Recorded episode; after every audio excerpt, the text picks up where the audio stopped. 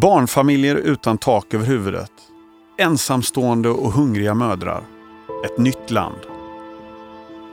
När drygt 160 000 människor under kort tid sökte sig till Sverige år 2015 sattes hela samhället på prov. Kista SC var en av alla fotbollsföreningar som öppnade sina dörrar för de nyanlända. Sonja Dosa, lagledare, minns kaoset när klubbhuset fylldes av en massa människor som inte hade någonstans att ta vägen. Nu, fem år senare, konstaterar Sonja Dosa att fotbollen gjorde ganska väl ifrån sig när flyktingvågen nådde Sverige. Och själv fick hon en extra dotter och två barnbarn på köpet. Välkommen till ett nytt avsnitt av podden Svensk Fotboll. Jag heter Juan Martinez.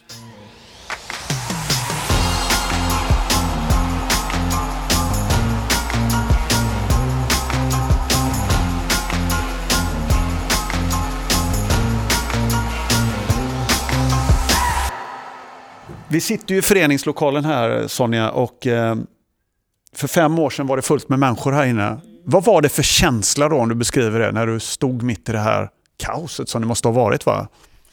Ja, det var det. Jag själv sov ju på en liten eh, yogamadrass under serveringsbordet ute i serveringen ett antal nätter. Men eh, det var ett härligt kaos, för det var underbara människor man mötte på vägen. Folk kom överallt ifrån och hjälpte oss. Helt plötsligt ringde de. Ja, ah, men jag äger en restaurang, jag kommer med mat till er. Och apoteket kom med mediciner, det var någon som kom med barnkläder från någon affär. Och de hörde talas om det och det var sånt otroligt uppslut. Och det, ja, det fick mig att tro på mänskligheten igen. Faktiskt. Vad fick er att eh, öppna dörrarna till, till ert klubbhus? Eh, ja, vi förstod ju behovet, eller jag fick ett samtal egentligen när jag skulle gå hem en kväll. Att det behövdes för att familjer fick sova ute på gatan. Och då var det en person som ringde och frågade om vi kunde tänka oss att öppna upp lokalerna för eh, barnfamiljer framför allt, så de kunde ha tak över huvudet. Så jag självklart så då var det bara att öppna upp lokalerna och gå in och börja söka via Facebook efter madrasser, kuddar, täcken, mat och annat. Vi fick otroligt stöd från närområdet som strömmade faktiskt hit med allt de kunde komma på. Så jag tror efter en och en halv timme så kom väl den första bilen med första familjen hit. Var det något som föranledde diskussioner i styrelse eller bland ledare? Eller? Nej, ingenting. Nu var det ju... Jag tog ju snabbt beslut utan att kolla med styrelsen. Men de stod ju bakom det när jag väl informerade dem. Så att det, ja, vi, det kändes helt rätt. Hur var det för de människor som kom som många gånger inte hade en föreningsvana framförallt inte en svensk föreningsvana? Hur, hur fick man in dem i föreningslivet och föreningstänket? Att kanske var delaktig på ett annat sätt än de hade varit tidigare? Eh, jag har väl aldrig riktigt frågat en var om det, men jag tror att när de såg att vi räckte handen och vi stödde dem och man började också tala om lite hur det ser ut i Sverige och vad som förväntas så blev det en naturlig förankring in i föreningslivet. Jag besökte er här för tre år sedan tror jag och eh, då var det ju full aktivitet här kvällstid men inte så mycket fotboll. Eh, berätta, vad, vad, vad var det för olika aktiviteter ni hade här efter den här stora vågen av människor kom? Ja, eftersom vi tog emot otroligt många ensamkommande ungdomar i fotbollen så insåg man ju också att de var ju väldigt ensamma här i landet och hade sina behov både språkmässigt, kontaktmässigt. Så uh, fotboll var ju bara en liten, liten pusselbit. Det, snabbt fick vi mobilisera till språkcafé två gånger i veckan. Vi hade um, spontanträffar vid behov. Så det blev mycket ny verksamhet kring idrotten. Hur tror du Sonja att det hade sett ut här om Kista SC inte hade funnits? Vad hade hänt då? Det kan man ju aldrig svara på egentligen med säkerhet, men jag tror att det har underlättat att vi har funnits i alla fall. Så mycket kan jag nog säga. genom att bara finnas och stödja personer som har behov så gör man ju skillnad. Ska svenskt föreningsliv ha ansvar för flyktingars integration, folkhälsa, eh, vara mötesplats, eh, social aktivering eh, och allt det här. Är det, I grunden är det ju bara organiserad idrott som anordnas. Vad tänker du om det?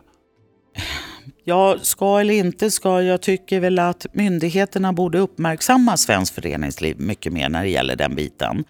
För ibland så känns det ju som att eh, vi gör mer än myndigheterna. För vi finns ju där när kontoren är stängda. Vi finns oftast dygnet om på plats på ett helt annat sätt. Um, och det, sen om man bör eller inte, men ja, vi kanske är bäst på det. Rent krast. Vad är det som gör idrotten så lämpad att ta hand om alla de här frågorna? Idrotten är ju inkluderande på alla sätt och vis, eller bör vara det i alla fall. Och samtidigt så är ju vi vana dagligen att vara flexibla. Det kan dyka upp jättemånga saker och vi ändrar om direkt. Vi kan mobilisera oss väldigt snabbt. För vi har inte ett 8 5 jobb utan det här gör vi utöver för att vi vill. Vi väljer det här på ett helt annat sätt. Och därför tror jag att det är, ja, idrotten har bra förutsättningar.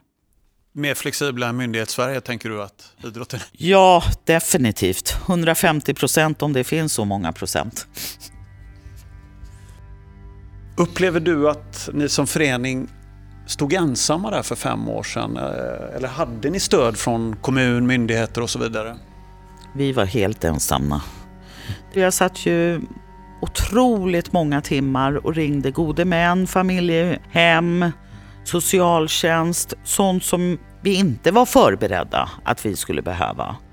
Och ja, där var vi ju väldigt utlämnade känner jag i alla fall. När ni har tagit det här ansvaret för alla de här människorna som har kommit, har det gjort att ni har fått göra avkall på andra åtaganden i ert uppdrag som förening? Nej, egentligen tror jag inte det. Eh, ja, det här var ju mycket Eh, mitt egna personliga projekt. Så det var ju mycket jag som drev de här bitarna. Eh, och det är ju min ideella fritid. Så ja, jag tror inte föreningen har behövt göra så mycket avkall. Om jag säger så. Då. Sonja, hur skulle du, om det går, betygsätta svensk fotbolls agerande under hösten 2015? Gjorde föreningslivet bra ifrån sig eller vad är din bild? Mm, ja, eh, den är ju väldigt blandad i och för sig. Eh, nu måste jag faktiskt vara uppriktig för att eh, jag hade ju också när vi tog emot många på spontanidrotten och jag ville få ut dem i lag sen för vi kunde ju inte sätta alla på att börja tävla kanske. För det var lite för övermäktigt för oss. Då märkte jag ju tyvärr att vissa också stängde dörrarna. Eh, så att alla föreningar förstår jag kanske inte alltid är flexibla heller. Och där behöver vi prata om det. För jag tror att det är jätteviktigt om vi håller på med idrott att vi ska vara flexibla. Eh, för vi finns ju faktiskt här för barn och ungdomars skull först och främst. Men jag tror alla, det var väldigt många föreningar som gjorde väldigt mycket och eh, ja, det tror jag har varit mycket värdefullt för många ungdomar. Otroligt värdefullt för att inkluderas och integreras i samhället. Det tror jag.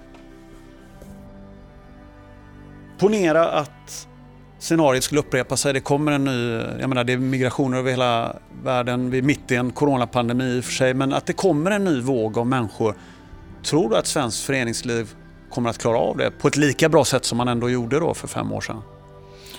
Ja, det hoppas jag. För någonstans, jag kan säga även om det uppstod massa nya utmaningar så skulle jag inte tveka om att göra om det. Om det hände imorgon. För det är ju det är människor det handlar om. Och människan före allt annat anser jag och idrotten är ett bra verktyg. Det är otroligt bra verktyg. Så att, ja, jag hoppas det. Jag vet att ni tänker fira idag. Ja, lille Bejan och döttrarna kom ju med blommor och tårta här så det blir lite kalas. Det är fem år sedan ni träffades på dagen. Ja, det är ju aldrig för litet att fira. För det minns jag som det vore igår. Jag träffade ju Bejan, en ung ensamstående kvinna från Syrien med hennes två döttrar på Migrationsverket som behövde lite extra stöd och hjälp. Så det slutade med att de flyttade hem till oss och eh, jag tror att hon har lyckats ganska bra i integrationsprocessen i alla fall. Eh, och självklart så är det ju någonting för framtiden. Det är ju min extra dotter och mina extra barnbarn som alltid kommer finnas. Vi har med oss Bejan Asfari. Minns du Bejan hur det var när du träffade Sonja första dagen? Absolut, det minns jag väl. Eh, det är vad jag såg den dagen som att jag såg räddare. Och det är exakt som hon säger att hon är min extra mamma. Och eh, utan henne, du vet hon fick mig att känna mig trygg från första dagen här i Sverige. För att eh, när man hamnar där, det är många män, man är främling, man känner inte någon. Ett nytt land, alltid nytt, nya människor omkring. Och sen du känner sig, liksom, man känner sig trygg och säker när man säger någon ger dig den känslan. Vad är din bild, eh, Bejan, av svenskt föreningsliv och hur väl svensk fotbollsrörelse tog emot alla er som kom för fem år sedan? Ja, eh, jag kan inte prata om alla, men om typ Kista det som vi upplevde och vi var med. Eh, människorna som jobbar här, och jag kan prata mest om Sonja och Ove, de har ett eh, syfte att vi ska ta hand om alla, vi ska ta hand om varandra, vi ska finnas för varandra. Mer än att vad en svensk förening är. Det först de gör det personligt. Och det liksom reflekterar hur föreningen är. Hur viktig har klubben, föreningen Kista SC varit för dig och dina döttrar? Uh, de gav oss, liksom, om jag ska prata om inom sport, att vi fick möjligheten att testa något nytt. För att uh, jag kunde aldrig spela fotboll till exempel vi har testat på. Mina döttrar, det var en dröm för mig att se min dotter bara sparka en boll ute liksom framför alla. Vi fick den möjligheten. Det, det var inget man fick göra i Syrien som flicka? Stad, i alla fall. Eh, om jag pratar om Idlib. Det var förbjudet här? Ja, tjejer får inte göra det. Eller om, om någon ska göra det, det betyder att man är slarvig. Man ska inte ta hand om sina studier, man ska inte ta hand om sig själv. Då spelar man fotboll. Men det hände inte. Typ, jag har inte sett någon tjej som spelade fotboll. Och jag pratar inte bara om fotboll till exempel. Jag spelade basketboll men i skolan. Vi fick inte tävla eller köra matcher utanför skolan. Ja, det var så. Så Kista gav mig möjligheten för mig och mina döttrar att testa. Och där vet jag Bejan att din dotter har ju gått från eh, att vara spelare till att nu vara enbart ledare. Berätta! Precis. Eh, hon slutade som spelare. Hon hade inte så stort intresse för fotboll, men jag pushade henne då. Och eh, sen hon vill vara kvar liksom och göra någonting med Kista SC. Så hon fick erbjudande av Sonja att om hon är intresserad av att vara ledare. Så hon är kvar i föreningen men i en annan position. Så det går bra för henne som ledare. Du, du, det finns ju ett rykte om dig Sonja, att du, har, du släpper inte folk som är på väg att sluta utan du hittar alltid på något nytt. Stämmer det? Och vad gör du då? Vad hittar du på när folk försöker lämna föreningen som spelare exempelvis? Eh, för det första försöker jag hitta eh, den ungdomens styrka och se vad den är bra på. Så det kan ju allt. Det kan vara ledarskap, det kan vara man kan vara duktig på en hemsida, man kan vara duktig på fota, filma, kaféet, ja, vad, vad som helst. Ehm, så försöker man då hitta möjligheter för den ungdomen via den den har styrka i. Skulle du Sonja säga att Kista SC är en fotbollsförening? Eh, delvis, men jag skulle hellre vilja säga att vi är en social förening. Eh, för vi använder fotbollen som ett verktyg. Målet är inte fotbollen. Målet är att Vi ska ge trygga människor en hälsosam vardag. Ni, ni verkar i ett område där det redan har funnits länge människor som kommer från andra länder och andra kulturer. Har det gjort det lite lättare att agera, tänker du? Eller mm, har det funnits liksom en ökad förståelse och acceptans från lokalbefolkningen här jämfört med det kanske gör på andra ställen? Det tror jag absolut. Och framförallt av våra medlemmar och styrelse och allting. Att vi, eh, eh, vi är nog öppnare, en öppnare förening än många andra. För att vi är vana vid eh, många andra utmaningar som kanske andra föreningar inte har. Så för oss, ja, ja det tror jag. Absolut. Bejan, eh, en sista grej. Det är fem år sedan nu som ni träffades på Migrationsverket i Märsta och jag vet att ni ska fira idag. Eh, hur tänker ni fira? Eh, vi brukar träffas typ på kvällen, äta tillsammans och komma ihåg vad vi gjorde. Och hon liksom motiverar mig och säger, eh, vad har du gjort det här året? För att eh, varje år vi berättar vad jag har gjort och vad jag har för mål för nästa år. Så vi pratade lite om hur eh, året har gått. Vad har jag gjort? Vad har jag för mål? Eh, I år, jag har tårta, jag har blommor. Jag, jag vet inte om hon har tid att gå ut på kvällen och äta. Men vi brukar göra så i alla fall. Hur känns det Bejan när du tittar ut över föreningslokalen och tänker tillbaka fem år i tiden? Ärligt, jag gillar inte att komma ihåg den första dagen här. Jag försöker alltid sudda bort eh, den här bilden för att eh, det är lite känsligt. När man kommer hit, man har ingenting. Att man ska bara gå och blocka lite kläder för eh, sig och sina barn.